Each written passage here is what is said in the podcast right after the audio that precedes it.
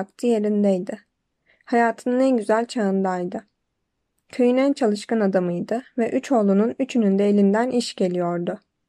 En büyük oğlu evliydi. Ortanca oğlu evlenmek üzereydi. En küçük oğlu ise iri yarı bir çocuktu ve atlara bakabilecek yaştaydı. Oğlan çift sürmeye de başlamıştı. Ivan'ın karısı becerikli ve tutumlu bir kadındı. Her ikisi de sessiz ve çalışkan bir gelinleri olduğu için şanslılardı. Ivan ve ailesinin mutlu bir hayat sürmesinin önünde hiçbir engel yoktu. Evde çalışamayan ve bakılması gerekli tek bir kişi vardı. Ivan'ın astım hastası olan ve yedi yıldır tuğladan yapılmış ocağın üzerindeki yerde yatan ihtiyar babası. Ivan ihtiyacı olan her şeye, üç atla bir taya, bir inekle buzağıya ve on beş koyuna sahipti. Evdeki kadınlar bir yandan ailenin giyecek kumaşını dokuyor, bir yandan da tarlada erkeklere yardım ediyorlardı. Evin erkekleri ise tarlada çift sürüyordu. Daima bir sonraki hasada yetip artacak kadar hububatlar oluyordu. Ve yetiştirdikleri yulafın bir kısmını satarak vergilerini ödüyor ve diğer ihtiyaçlarını karşılıyorlardı. Ivan ailesi bu şekilde oldukça rahat bir hayat sürebilirlerdi. Eğer ki Gorday Ivanov'un oğlu ve kapı komşuları olan Aksak Gabriel'le aralarında kolay kolay bitmeyecek bir düşmanlık baş göstermiş olmasaydı. Gorday hayattayken ve Ivanlar da evi hala babası idare ederken bu köylüler birbirleriyle olması gerektiği gibi gayet iyi komşuluk ilişkisi içerisindeydiler. Kadınlar bir elek ya da leğen istediklerinde ya da erkeklere bir çuval gerektiğinde, bir at arabasının tekeri kırıldığında ve derhal tamiri mümkün olmadığında bir aile ötekine ihtiyaç duyulan malzemeyi yollar, bu şekilde birbirlerine iyi komşuluğun gerektirdiği şekilde yardım ederlerdi. Komşulardan birinin bir buzağısı yolunu şaşırıp diğerinin harman yerine girdiğinde tek yaptıkları şey hayvanı oradan çıkarmak ve komşularına hayvanı bir daha bu tarafa salmayın, bakın burada hububatımız duruyor demekten ibaretti. Ahır ve ambar kapılarını kilitlemek, birbirlerinden bir şeyler saklamak ya da birbirlerini arkalarından çekiştirmek gibi şeyler o günlerde kimsenin aklından dahi geçmiyordu. Babaların döneminde bu böyleydi. Ailelerin başına oğullar geçince her şey değişti. Bütün düşmanlık ufacık bir şey yüzünden başladı. Ivan'ın gelininin mevsime göre erken yumurtlamaya başlayan bir tavuğu vardı. Gelin tavuğun yumurtalarını Paskalya için biriktiriyordu. Her gün at arabasının durduğu barakaya gidiyor ve orada bir yumurta buluyordu. Ama bir gün muhtemelen çocuklardan korkan tavuk çitin üzerinden komşunun bahçesine uçtu ve oraya yumurtladı. Gelin tavuğun gıdaklamasını duydu ama kendi kendisine ''Şimdi hiç vaktim yok. Pazar günü için ortalığı toparlamam lazım. Yumurtayı sonra gider alırım.'' dedi. Akşam olunca gelin barakaya gitti ama orada hiç yumurta bulamadı. Gidip kaynanasına ve kaynana yumurta alıp almadıklarını sordu. Hayır almamışlardı. Ama küçük kaynı Taras, senin bidi komşunun bahçesine yumurtladı. Gıdaklama sesler oradan geliyordu. Sonra çitin üzerinden uçup tekrar bu tarafa geldi, dedi. Gelin gidip tavuğa baktı. Tavuk diğer tavuklarla birlikte tünekte yatıyordu. Hayvanın gözleri kapanmak üzereydi. Uyumaya hazırlanıyordu. Gelin, keşke hayvanın dili olsaydı da konuşsaydı diye düşündü. Sonra komşularına gitti. Gabriel'in annesi dışarı çıkıp onu karşıladı. Ne istiyorsun küçük hanım? Şey, büyük anne. Bu sabah tavuğum sizin bahçeye uçmuş. Bu tarafa yumurtlamadı mı acaba? Biz hiç görmedik. Tanrıma bin şükür olsun. Bizimkiler de ne zamandır yumurtluyor. Kendi yumurtamız var. Kimseninkine ihtiyacımız yok. Ayrıca başkalarının bahçesinde yumurtada aramayız biz küçük hanım. Genç kadın öfkelenmişti ve açtı ağzını yumdu gözünü. Komşu kadın da gayretle ona cevap yetiştiriyordu. İki kadın birbirlerine hakaretler yağdırmaya başladılar. Su almak için oradan geçmekte olan gelinin kaynanası da kavgaya katıldı. Gabriel'in karısı hızla dışarı fırladı ve genç kadını gerçekte olmuş ve olmamış şeylerle suçlamaya başladı. Sonra tam bir gürültü koptu. Herkes hep bir ağızdan, ağzından çıkanı, kulağı duymamazcasına konuşuyor, ağzına geleni söylüyordu. Sen şöylesin, sen böylesin, sen hırsızsın, sen kaltaksın, sen yaşlı kayınpederini aç bırakıyorsun. Adamcağız açlıktan ölecek, sen işe yaramazın tekisin. Sen verdiğim eleği derdin seni sürtük. Kovaları bizim verdiğimiz omuz sırığıyla taşıyorsunuz. Omuz sırığımızı geri verin. Sonra omuz sırığını çekiştirip suları döktüler. Birbirlerinin şallarına yapışıp dövüşmeye başladılar. Tarladan dönen Gabriel karısının yardımına yetişti. Ivan'la oğlu da hızlı evlerinden dışarı fırlayarak kavgaya katıldılar. Ivan güçlü kuvvetli bir adamdı. Hepsini dağıttı ve Gabriel'in sakalından bir avuç kıl kopardı. Meselenin ne olduğunu anlamak için oraya gelenler dövüşen iki aileyi güç bela ayırabildi. Her şey işte böyle başladı. Gabriel sakalından kopan kılları bir kağıda sararak Ivan'a dava açmak için bölge mahkemesine gitti. Duruşmadan, ben bu sakala çiçek bozuğu Ivan yolsun diye uzatmadım, dedi. Gabriel'in karısı da komşulara giderek Ivan'ı mahkum ettirip Sibirya'ya gönderteceklerini söyleyip yüksekten atmaya başladı. Böylelikle iki aile arasındaki düşmanlık gitgide büyüyordu. Yaşlı adam en başından itibaren ocağın üzerinde yattığı yerden çocuklarını komşularıyla barışmaya ikna etmeye çalıştı. Ama çocukları yaşlı adamı dinlemediler. Adam onlara, ''Çocuklar, çok aptalca bir şeyin davasını gidiyorsunuz. Ne kadar önemsiz bir şey için kavga ediyorsunuz. Düşünsenize bir kere.'' Tüm kavga bir yumurta yüzünden çıktı. Çocuklar almış olabilir. Ne önemi var? Bir yumurta ne kadar ediyor? Sonuçta Tanrı herkese yeteri kadar yumurta vermiyor mu? Varsayalım komşun sana kötü bir söz söyledi. E düzelt o zaman. Ona nasıl daha güzel konuşacağını göster. Şayet bir kavga geçtiyse aranızda. Böyle şeyler her zaman olur. İçimizde günah işlemeyen mi var? O takdirde telafi edin hatanız ve kavgayı bitirin. Öfkeyi büyütürseniz siz zararlı çıkarsınız, diye konuştu. Ama çocuklar ihtiyar adamın dediklerine kulak asmadılar. Yaşlı adamın sözlerinin bunaklıktan ileri gelen saçma sapan sözler olduğunu düşündüler. Ivan komşusunun önünde kendini alçaltmamaya kararlıydı. Asla onun sakalını koparmadım, dedi. O kendi kopardı. Asıl onun oğlu gömleğimdeki bütün düğmeleri kopardı, gömleğimi yırttı. Bakın şuna. Ivan da mahkemeye başvurdu. Duruşmaya sulh hakimi ve bölge mahkemesi baktı. Tüm bunlar olup biterken Gabriel'in at arabasının koşu mili kayboldu. Gabriel'in ailesindeki kadınlar Ivan'ın oğlunu mili çalmakla suçladılar. Geceleyin onu penceremizin önünden arabaya doğru giderken gördük. Bir komşumuz da onu meyhanede mili meyhanenin sahibine satmaya çalışırken görmüş, dediler. Bunun için mahkemeye başvurdular. Evlerinde de iki ailenin kavgasız hatta dövüşsüz günleri geçmiyordu. Çocuklar da büyüklerinden gördükleri gibi birbirlerine hakaretler ediyor ve kadınlar çamaşır yıkamak için gittikleri ırmak kenarında karşılaştıklarında dilleri çene çaldığı kadar kolları çamaşır yıkamıyordu. Ağızlarından sürekli kötü laflar çıkıyordu. İlk başta birbirlerine sadece iftira ediyorlardı. Ama sonraları gerçekten de ellerinin ulaştığı şeyleri aşırmaya başladılar. Çocuklar da kendilerine büyükleri örnek aldı. Hayat hepsi için günden güne daha zor bir hal alıyordu. Ivan Şiçerbakov ile Aksak Gabriel birbirlerini köy meclisinde, bölge mahkemesinde ve sulh hakimin huzurunda dava etmeye devam ettiler. Ta ki davalarına bakan bütün hakimler onlardan gına getirinceye kadar. Kah Gabriel Ivan'ın para cezasına çarptırılmasını sağlıyor, kah Ivan aynısını Gabriel'e yapıyordu. Bu şekilde birbirlerine nispet yaptıkça birbirlerine karşı daha büyük bir öfke duymaya başlıyorlardı. Tıpkı birbirlerinin üstüne saldırıp dövüştükçe öfkeden daha da kuduran köpekler gibi. Nasıl köpeklerden birini arkadan vurunca köpek, öbür köpeğin kendisini ısırdığını düşünürse, bu iki köylü ailesinin durumu da bundan farksızdı. Birbirlerini sürekli mahkemeye verdiler. Kah bir iki hapis atılıp para cezasına çarptırılıyordu, kah öteki.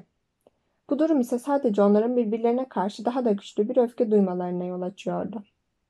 İki tarafta dur bakalım diyordu. Sana bunu ödetmezsem. Altı yıl boyunca bu böyle devam etti. Bir tek ocağın üzerinde yatan yaşlı adam onlara sürekli Çocuklar ne yapıyorsunuz siz? Vazgeçin bu şekilde intikam almaktan. İşinize gücünüze bakın. Kin gütmeyin. Kin güttükçe her şey daha da kötüye gider, diyordu. Ama yaşlı adamın dediklerine kulak asan olmadı. Düşmanlığın başlamasının yedinci yılında bir düğünde Ivan'ın gelini Gabriel'i at çalmakla suçlayarak herkesin içinde utandırdı. Gabriel sarhoştu ve öfkesini frenleyemedi. Kadına öyle bir vurdu ki kadın bir hafta yataktan kalkamadı. Üstelik kadın o günlerde hamileydi. Ivan bu duruma çok sevinmişti. Şikayet dilekçesi vermek için hakime gitti. Aklından, artık kurtuluyorum ondan. Onun için artık hapis ya da Sibirya'ya sürgün cezasından kurtuluş yok diye geçiriyordu. Ancak Ivan'ın dileği gerçekleşmedi. Hakim davayı geri çevirdi. Kadın kontrolden geçirilmiş ama vücudunda hiçbir darp izine rastlanmamıştı. Kadın sapasağlam ayaktaydı. Bunun üzerine Ivan, sulh hakimine gitti ama hakim davayı bölge mahkemesine havale etti. Ivan, bölge mahkemesinin katibine ve mahkeme başkanına bir galon likörü rüşvet olarak verdi. Bu şekilde Gabriel'in kırbaç cezasına çarptırılmasını sağladı. Duruşma katibi hükmü Gabriel'e yüksek sesle okudu. Mahkeme, köylü Gabriel Gordeyev'in bölge mahkemesinde huş ağacından yapılma bir değnekle 20 kez vurularak cezalandırılmasına karar vermiştir. Mahkemenin verdiği kararı Ivan da dinlemişti. Kararı nasıl karşıladığını görmek için Gabriel'e baktı. Gabriel bir yaprak gibi sararmıştı. Arkasını döndü ve koridora doğru yürümeye başladı. Atıyla ilgilenmek maksadıyla Ivan da onun arkasından gitti. Ve Gabriel'in ''Pekala, sopa attırsın bakalım, sırtım yansın. Ama onun da bir şeysi daha beter yanmazsa ne olayım?'' dediğini duydu. Bu sözleri işitir işitmez Ivan derhal mahkeme binasına geri koştu. Adil ve saygıdeğer hakimler, sanık tehditler savuruyor, evimi ateşe vereceğini söylüyor. Bakın bunu şahitlerin huzurunda söyledi, dedi. Bunun üzerine Gabriel mahkeme salonuna geri çağrıldı. Bunu söylediğin doğru mu? Ben hiçbir şey söylemedim. İstediğiniz gibi sopalatın beni. Yetkisiz de değil mi nasıl olsa? Görünüşe göre haklı olduğum halde yalnız kalan ben oldum ve acı çekmeye mahkum edildim. Onun ise canının istediği gibi hareket etmesine göz yumuluyor. Gabriel bir şeyler daha söylemek istiyordu ancak dudakları ve yanakları titremeye başladı ve duvardan tarafa döndü. Bakışlarından oradaki görevliler bile korkmuşlardı. Akıllarından ya kendisine ya da komşusuna bir kötülük yapacak diye geçirdiler. Derken yaşlı hakim, buraya bakın bakayım, dedi. Sen aklına başını alıp özür dilemelisin. Gabriel arkadaşım, hamile bir kadına vurman sence haklı bir davranış mıydı? Bereket versin olay kötü sonuçlanmadı. Ama bir düşün. Ya kadına bir şey olsaydı? Doğru muydu yaptığın? Hatanı kabul edip Ivan'dan özür dilemelisin. O da seni affedecektir. Biz de cezanı başka bir şeye çeviririz. Duruşma katibi bu sözleri işitince, kanunun 117. maddesi gereği bu imkansız. Taraflar arasında bir anlaşmaya varılmadan mahkeme kararını açıkladığı için bu karar uygulanmak zorundadır, dedi. Ama hakim katibi kale almadı. Dilini tut dostum, dedi ona. Her yasanın başı Tanrı'ya itaat etmektir. Tanrı ise barışı sever. Hakim bu iki köylüyü tekrar ikna etmeye çalıştıysa da başaramadı. Gabriel hakimi dinlemiyordu.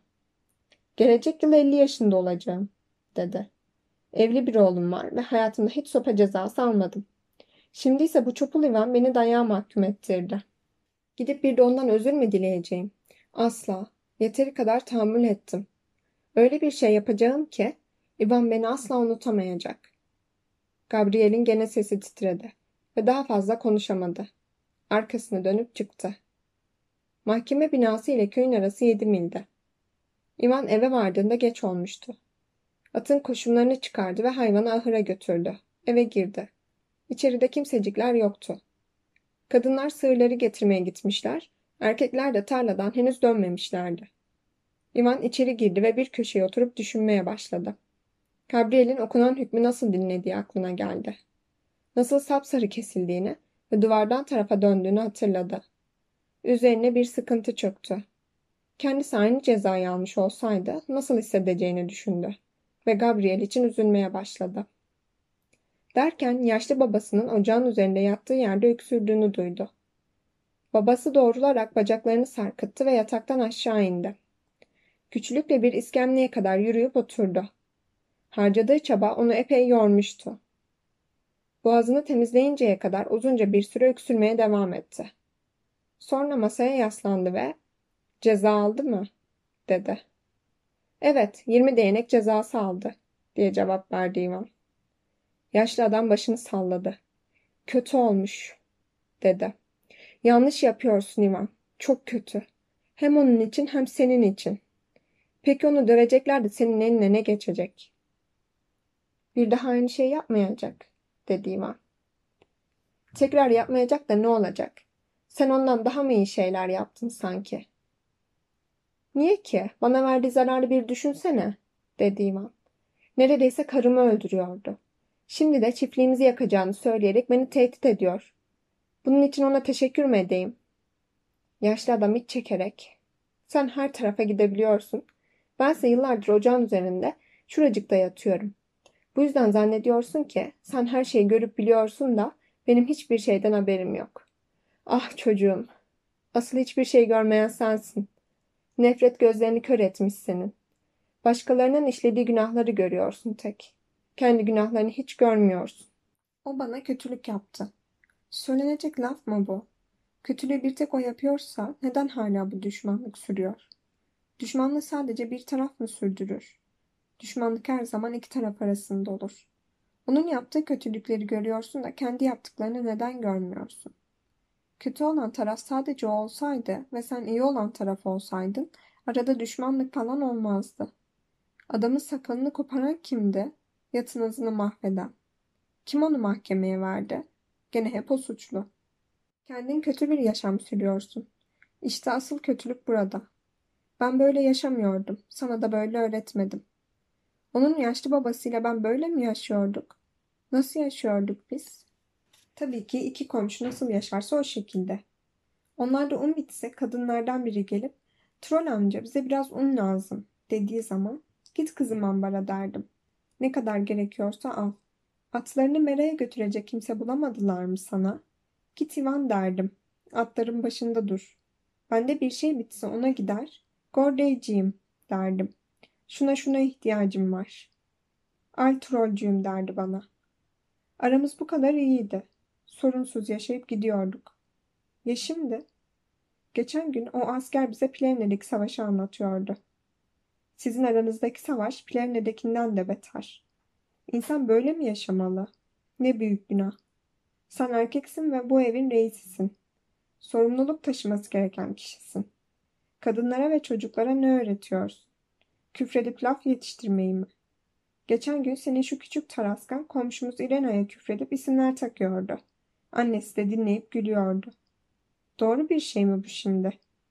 Senin sorumlu bir şekilde davranman gerekiyor. Ruhunu düşün. Her şeyin böyle mi olması gerekiyor? Sen bana laf atıyorsun, ben sana ikincisi karşılık veriyorum.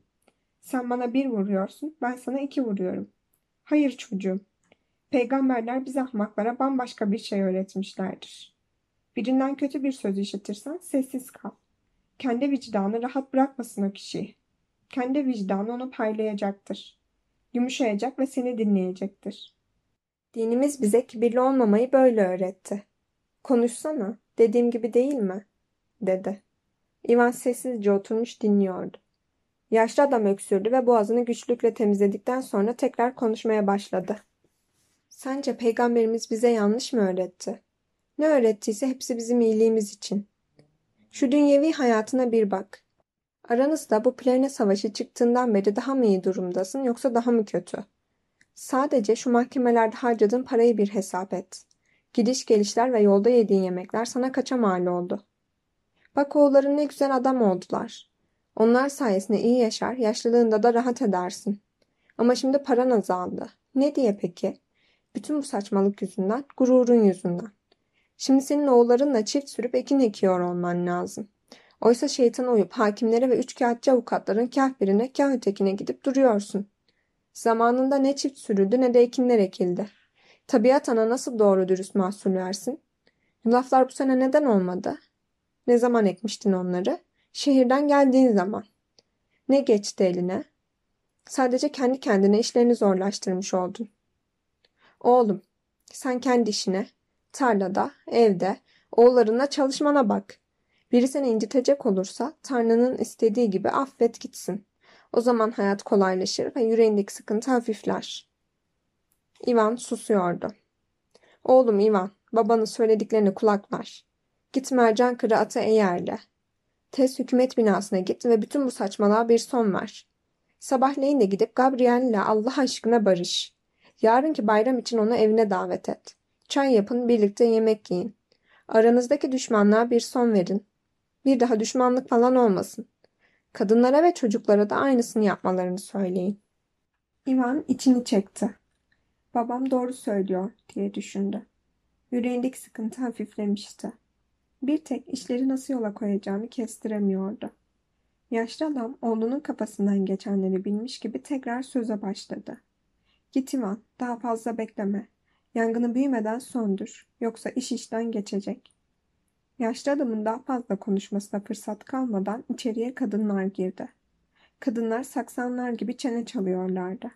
Gabriel'in değnek cezası aldığı ve evlerini yakmakla tehdit ettiği haberini onlar da almışlardı. Her şeyi öğrenmişler, sonra öğrendiklerine kendileri de bir şeyler ekleyerek otlakta tekrar Gabriel'in ailesindeki kadınlarla kavgaya tutuşmuşlardı. Gabriel'in gelininin tekrardan kendilerini nasıl tehdit ettiğini anlatmaya koyuldular.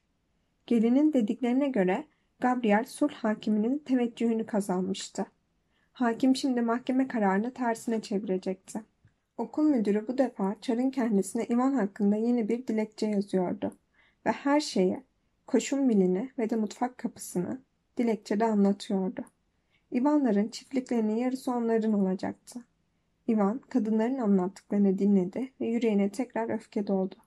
Gabriel'le barışma fikrinden vazgeçti. Bir çiftlikte aile reisine yapacak çok iş düşüyordu. Ivan durup kadınlarla çene çalmadı. Dışarı çıkarak harman yerine ve ambara gitti. Oraları toparladığında güneş batmış ve oğulları tarladan dönmüşlerdi. Oğulları kışın mahsul almak için iki atla tarla sürüyorlardı. Ivan onları karşıladı. İşin nasıl gittiğini sordu. Eşyaları yerlerine koymalarına yardım etti ve yırtılan bir hamutu dikmek için bir kenar ayırdı. Birkaç sırığı ambarın altına yerleştirecekti ama alacakaranlık iyice bastırmıştı. Sırıkları ertesi gün yerleştirmeye karar verdi. Sonra sığırlara yemlerini verdi, ahır kapısını açarak atları dışarı saldı. Taras geceleyin atları otlatmaya götürecekti. Kapıyı kapatarak sürgüledi. Şimdi diye düşündü. Yemeğimi yer yatarım. Hamutu aldı ve eve girdi. O ana kadar Gabriel'i ve yaşlı babasını kendisine söylediklerini çoktan unutmuştu. Tam koridora geçmek için kapının kolunu tutmuştu ki çitin öbür yanında komşusunun birine boğuk bir sesle lanet okuduğunu işitti. O Allah'ın cezasına gününü göstereceğim diye söyleniyordu. Ölmeyi hak etti. Bu sözler üzerine Ivan'ın komşusuna duyduğu tüm öfke tekrar alevlendi. Gabriel'in söylenmesini dinledi ve adamın söylenmesi bittikten sonra içeri girdi. İçeride bir ışık vardı. Gelin oturmuş yün eğiriyordu. Karısı yemeği hazırlıyordu. Büyük oğlu ağaç kabuğundan yapılma ayakkabılara kayış yapıyordu. Ortancı oğlu elinde bir kitap masanın kenarına oturmuştu. Talas da atları gece otlatmaya çıkarmaya hazırlanıyordu. Evde her şey güzel ve huzurlu olacaktı.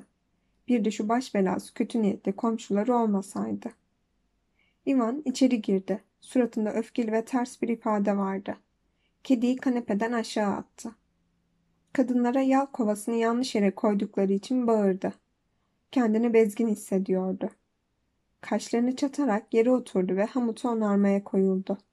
Gabriel'in ağzından çıkan sözler, mahkemede kendisini tehdit edişi ve az önce boğuk bir sesle ölmeyi hak etti diye söylenişi hala kulaklarında çınlıyordu. Karısı Taras'a yemeğini getirdi. Taras yemeğini yedi, üzerine eski bir koyun postu ile bir ceket aldı. Beline bir kuşak bağladı ve yanına bir parça ekmek alarak dışarıya atların yanına çıktı. Büyük ağabeyi Taras'ı geçirecekti ama Ivan kendisi oturduğu yerden doğruldu ve sundurmaya çıktı. Dışarıda hava iyice kararmıştı. Gökyüzünü bulutlar kaplamış ve kuvvetli bir rüzgar esmeye başlamıştı. Ivan basamaklardan aşağı indi ve oğlunun ata binmesine yardım etti. Bir tayı oğlunun arkasından kovaladı ve oğlunun atıyla köyden aşağı doğru gidişini ve ileride ona başka atlı gençlerin de katılışını durup dinledi. Gençler duyma mesafesinin dışına çıkıncaya kadar bekledi. Orada öylece durmuş bahçe kapısının yanında beklerken Gabriel'in ağzından çıkan sözleri bir türlü aklından çıkaramıyordu. Dikkat et senin bir şeyin daha beter yanmasın. Herifin gözü dönmüş diye geçirdi aklından. Her yer kuru, üstelik rüzgar da var. Arka taraftan bir yerden gelip bir şeyleri tutuşturup tüyecek. Alçak herif. Her yeri ateşe verip elini kolunu sallaya sallaya kaçacak. Şayet suçüstü yakalarsam o zaman bir yere kaçamaz. Bu düşünce kafasını öyle bir yere etmişti ki basamaklardan yukarıya çıkmak yerine dışarı çıkarak sokağın köşesine doğru gitmeye karar verdi. Binaların etrafında bir dolaşayım. Ne yapacağı belli olmaz, diyordu kendi kendine. Sessiz adımlarla bahçe kapısından dışarı çıktı. Köşeye varınca çit boyunca etrafına bakındı. Diğer taraftaki köşede bir şeyin aniden hareket ettiğini görür gibi oldu. Sanki birisi belirip tekrar kaybolmuştu. Ivan olduğu yerde durup beklemeye ve etrafa bakınarak kulak kabartmaya başladı. Ortalık sakindi. Sadece söğüt ağaçlarının yaprakları rüzgarda sallanıyor ve evin sap ve sazdan örülmüş damı hışırdıyordu. İlk başta Ivan'a her taraf siperi karanlık gibi gelmişti. Ama gözleri karanlığa alıştıktan sonra ilerideki köşenin olduğu yere, saçakları ve yerde duran sabanı artık seçebiliyordu. Bir süre bakmaya devam etti ama kimseyi göremedi. Galiba yanıldım diye düşündü. Ama gene de binaların etrafında bir dolaşayım. Küçük kulübenin yanından usulca yürümeye başladı. Ağaç kabuğu ayakkabılarıyla adımlarını öyle sessiz atıyordu ki ayak seslerini kendisi bile duymuyordu. Köşeye varınca sanki sabanın yanında bir şey bir müddet parlayıp sonra tekrar söndü gibi geldi gözüne. Kalbi sıkışır gibi oldu ve olduğu yerde durdu. Tam o anda aynı yerde bir şey daha büyük bir ışıltıyla parladı. Ivan birisinin başında şapkası yere çömelmiş ve sırtı kendisine dönük vaziyette elindeki bir deste ekin sapını tutuşturduğunu açık seçik görebiliyordu. Kalbi göğsünde bir kuşun kanat çırpışları gibi hızla çarpmaya başladı. Adımlarını büyük büyük atarak olabildiğince hızlı bir şekilde adama doğru yaklaştı. Bacaklarını neredeyse hissetmiyordu. Ah diye geçirdi içinden. Kaçamaz artık. Onu suçüstü yakalayacağım. Adamla arasında hala biraz mesafe vardı ki aniden parlak bir ışık gördü. Bu seferki farklı yerdeydi ve büyükçe bir alevdi. Sap ve sazdan örülü dam saçaklardan alev almıştı. Alevler çatıya doğru yükseliyordu ve alevlerin altında Gabriel açık seçik görülebiliyordu. Bir tarla kuşunun üzerine atılan bir atmaca gibi aksak Gabriel'e doğru hızla koşmaya başladı. Şimdi yakaladım onu, benden kurtulamaz, diye düşünüyordu. Ancak Gabriel onun ayak seslerini duymuş olmalıydı ki arkasına bir bakış fırlatıp ambarın önünden bir yabani tavşan gibi seyirterek uzaklaştı. Kaçamazsın diye bağırdı Ivan ve arkasından ok gibi fırladı. Tam yakalayacaktı ki Gabriel yana kaçıp kurtuldu. Ama Ivan Gabriel'in ceketinin eteğinden yakalamayı başarmıştı. Ceket yırtıldı ve Ivan yere düştü. Ayağa kalktı ve yardım edin, yakalayın, hırsız var, katil var diye bağırıp tekrar koşmaya başladı. Bu arada Gabriel kendi bahçe kapılarına varmıştı. Ivan orada ona yetişip yakalamak üzereydi ki aldığı bir darbeyle sersemledi. Sanki şakağına bir taş gelmişti. Kulağı neredeyse duymuyordu. Kapının yanından aldığı bir meşe takozuyla ona var gücüyle vuran Gabriel'den başkası değildi. Ivan affallamıştı. Gözünün önünde kıvılcımlar uçuşuyordu. Sonra her şey birden karardı ve Ivan sendelemeye başladı. Kendisine geldiğinde Gabriel orada değildi. Ortalık gün gibi aydınlanmıştı. Evinin olduğu yerden motor sesi gibi bir gürüldeme ve çatırdama sesi geliyordu. Ivan arkasını döndü ve arka barakanın alev alev yandığını gördü. Yan barakada alev almıştı. Yanan saplardan ve samanlardan yükselen alevler ve dumanlar eve doğru ilerliyordu. Dostlar bu nedir? diye haykırdı. Bir yandan da dizlerini dövüyordu. Sadece ateşi saçaktan alıp üzerine basmam gerekiyordu. Nedir bu dostlar? diye kendi kendine tekrarlayıp durdu. Bağırmak istiyordu ama nefesi kesilmişti. Sesi çıkmıyordu. Koşmak istiyor ama bacaklarına söz geçiremiyordu. Bacakları birbirine dolanıyordu. Yavaşça hareket etti. Ama tekrar düşecek gibi oldu ve tekrar nefes kesildi. Nefesi düzelene kadar durup bekledi, sonra devam etti. O, yangına ulaşmak için daha arka barakanın etrafından dolanamadan yan barakada alevler içerisinde kalmıştı. Alevler evin kenarına ve üstü kapalı girişe de sıçramıştı. Evden dışarı doğru fırlayan alevler yüzünden bahçeye girmek imkansızdı. Büyük bir kalabalık toplanmıştı ama hiç kimse hiçbir şey yapamıyordu. Komşular kendi evlerindeki eşyaları dışarı taşıyorlar ve sığırlarını ahırlardan dışarı çıkarıyorlardı. Ivan'ınkinden sonra Gabriel'in evi de alev aldı. Derken rüzgar daha da hızlandı ve alevler sokağın karşı tarafına sıçradı. Köyün yarısı yangında kül oldu. Yanan evden Ivan'ın yaşlı babası güçlükle kurtarılabildi. Ailesindeki diğer kişiler de bir tek üstlerinde başlarında ne varsa onlarla kaçabildiler. Aile o gece otlatmaya götürülen atlar dışında geri kalan her şeyini, bütün sığırlarını, kümesteki tavuklarını, at arabalarını, sabanlarını, tırmıklarını, içindekilerle birlikte kadınların elbise sandıklarını, ambardaki tahılları kaybetti. Sahip oldukları ne varsa hepsi yanıp kül oldu. Gabrieller ise sığırlarını ahırdan çıkarmış ve birkaç parça eşya kurtarmışlardı. Yangın bütün gece devam etti. Ivan evinin önünde durmuş sürekli olarak nedir bu, dostlar, sadece çekip üzerine basacaktım diye tekrarlayıp duruyordu. Tam o sırada çatı çöktü ve Ivan yanan eve doğru fırladı. Yanarak kömür haline gelmiş bir direği tuttu ve sürükleyerek dışarı çıkarmaya çalıştı. Kadınlar onu gördüler ve seslenerek geri gelmesini söylediler. Ama o direği dışarı çıkardı ve tekrar bir başka direk için eve gidiyordu ki ayağı kaydı ve alevlerin arasına yuvarlandı. Oğul arkasından eve girdi ve sürükleyerek onu dışarı çıkardı. Saçları, sakalı ve elbiseleri hafif yanmıştı. Ellerinde yanıklar vardı ama o hiçbir şey hissetmiyordu. Onu o şekilde gören insanlar sonradan üzüntüsünden kendini kaybetmiş gibiydi. Yangın kendi kendine sönüyordu ama o sürekli dostlar nedir bu sadece çekip üzerine basacaktım diyordu diye anlattılar. Sabah olduğunda köyün papazının oğlu Ivan'a gelerek kendisiyle gelmesini söyledi. İvan amca babanız ölüyor. Beni sizi getirmem için yolladı. Ölmeden önce sizi görmek istiyor. Ivan babasını tamamen unutmuştu ve çocuğun dediklerini anlamadı. Kimin babası dedi. Kim için göndertmiş? Beni sizin için gönderdi. Ölmeden görmek istiyor. Kendisi bizim evde ölmek üzere. Haydi Ivan amca gel, dedi papazın oğlu onu kolundan çekiştirerek. Ivan çocuğu takip etti. Evden dışarı taşırlarken yaşlı adamın üstüne yanan saplardan düşmüş ve adamcağız da yanmıştı. Onun yangının erişmediği köyün diğer tarafında bulunan papazın evine götürmüşlerdi. Ivan babasının yanına geldiğinde evde sadece papazın karısıyla ocağın üzerinde yerde yatan birkaç küçük çocuğu vardı. Ailenin geri kalanı hala yangın yerindeydi. Yaşlı adam elinde tuttuğu bir mumla bir kanepede yatıyor ve sürekli kapıdan tarafa bakıyordu. Oğlu içeri girince azıcık kımıldadı. Papazın yaşlı karısı adamın yanına giderek onu oğlunun geldiğini söyledi. Adam kadına oğlunun yaklaşmasını istediğini söyledi. İvan babasına doğru yaklaştı.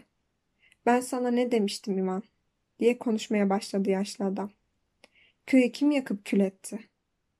O yaptı baba diye cevap verdi İvan. Onu suçüstü yakaladım. Onu yanan bir sap parçasını dama iteklerken gördüm. Yanan sap alıp üstüne basabilseydim hiçbir şey olmayacaktı. İvan, dedi yaşlı adam. Ben ölüyorum. Sıran geldiğinde sen de ölümle yüz yüze geleceksin. Peki bu günahın vebali kimin boynuna? İvan susuyor ve babasına bakıyordu. Ağzını bıçak açmıyordu. Şimdi Allah'ın huzurunda söyle bana. Bu günahın vebali kimin boynuna? Ben sana ne demiştim? Ancak bu söz üzerine Ivan'ın aklı başına geldi ve her şeyi anlamaya başladı. Burnunu çekerek benim boynuma baba diyerek babasının önünde diz çöktü. Beni affet baba, senin ve Allah'ın huzurunda suçluyum dedi. Yaşlı adam ellerini hareket ettirerek sağ elindeki mumu sol eline aldı. Sağ elini istavroz çıkarmak için alnına götürmek istedi ama yapamadı ve vazgeçti.